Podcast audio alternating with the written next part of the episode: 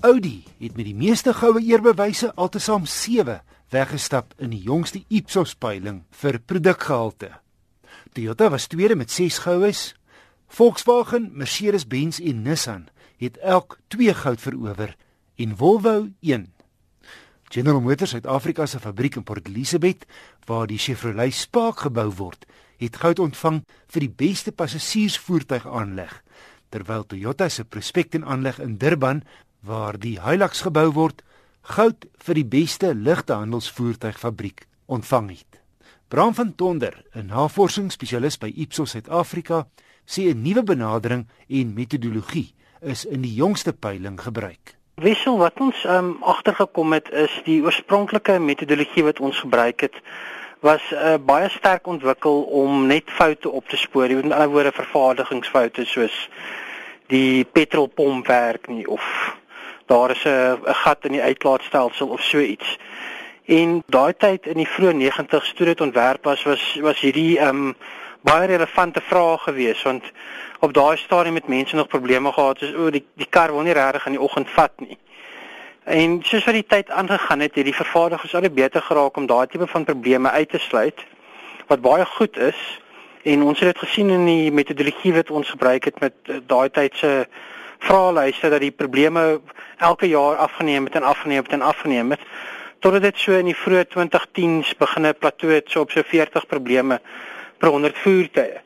Maar terselfdertyd was ons ook bewus daarvan dat kliënte en bestuurders van voertuie wat hulle nie noodwendig gedink die kwaliteit van 'n voertuig is so wonderlik nie en die rede daarvoor is net want hulle het aangepas met die tye. Hulle het miskien nou nie 'n probleem gehad met die kar wat nie aanskakel in die oggend nie, maar hulle het eh, ander tipe van probleme gehad soos miskien het die kar nie mooi gepraat met hulle selfoon nie of die sitplek was net ongemaklik of hulle wou eh, 'n beter kwaliteit klankstelsel of so iets gehad het. So nou dat die karre nie meer hierdie harde probleme het nie, het die sagter goed al hoe meer belangrik begin word.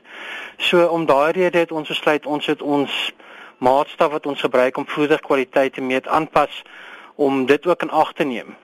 En ons het afgekom op 'n metodologie wat gebruik word in Europa deur Ipsos se Europese um, maatskappye waar nie net gekyk word na probleme nie, maar daar word ook gekyk na ontwerpers aspekte. So byvoorbeeld ehm um, okay, so die sitplek van die kar werk goed, maar dit is net nie gemaklik nie.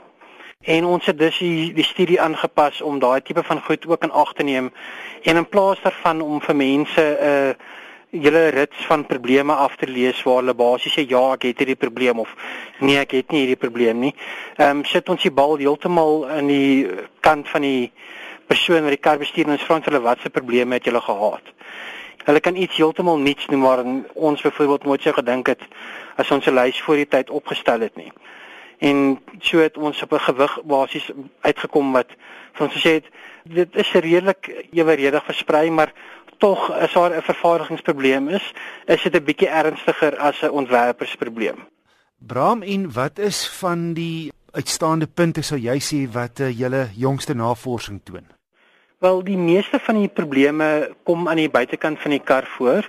Dit is byvoorbeeld uh, dinge soos die venster of die kattebak of uh, die bande van die kar en dit is meestal maar met goeders wat ehm um, kan beweeg. So as jy dit oop of toe maak, is daar 'n skarnier of so iets.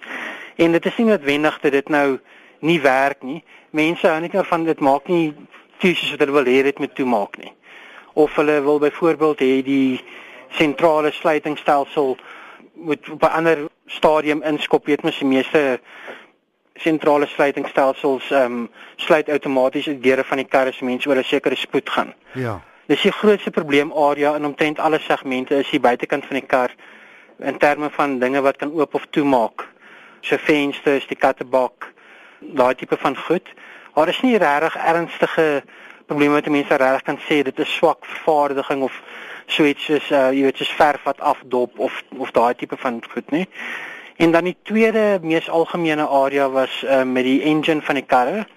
En dit is maar meestal goeie soos uh, geleide wat die engine maak.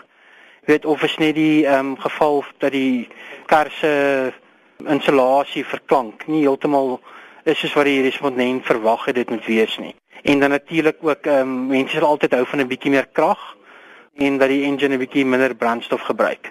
Bram, wie het uitgeblink as ons nou eers kyk na die motorafdeling? Audi het uitgeblink met uh sewe toekenninge, net vir hulle modelle en dan 'n natuurlike ekstra toekenning ook gekry vir 'n uh, beste klein ontspanningsvoertuig, maar in terme van modelle was hulle beste model die Audi A5 Coupe Cabriolet. Uh wat 'n probleemtelling gehad het van net 33 probleme per 100 karre. Dit sluit natuurlik in jou uh vervaardigingsprobleme sowel as jou ontwerpersprobleme. Ek sien. En dan uh, wat die bakkie afdeling aan betref? In die bakkie afdeling het Toyota amper skoonskip gemaak met 'n toekenning in omtrent elke kategorie, Toyota Hilux. Bram van Tonder, 'n navorsingsspesialis by Ipsos Suid-Afrika.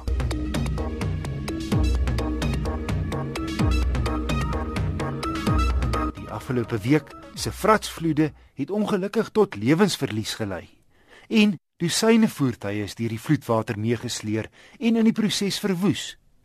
My wenk van die week: moenie kansse vat met 'n klomp water voor jou nie. Dis dalk dieper as wat jy dink en die pad kan verspoel of weggekalwe wees sedert jy dit laas gebruik het. Volgende week weer 'n padtoets. Jaguar se nuwe XE sedan kom aan die beurt. En die vraag is, het hy genoeg skietgoed om die gewilde Duitsers te troef?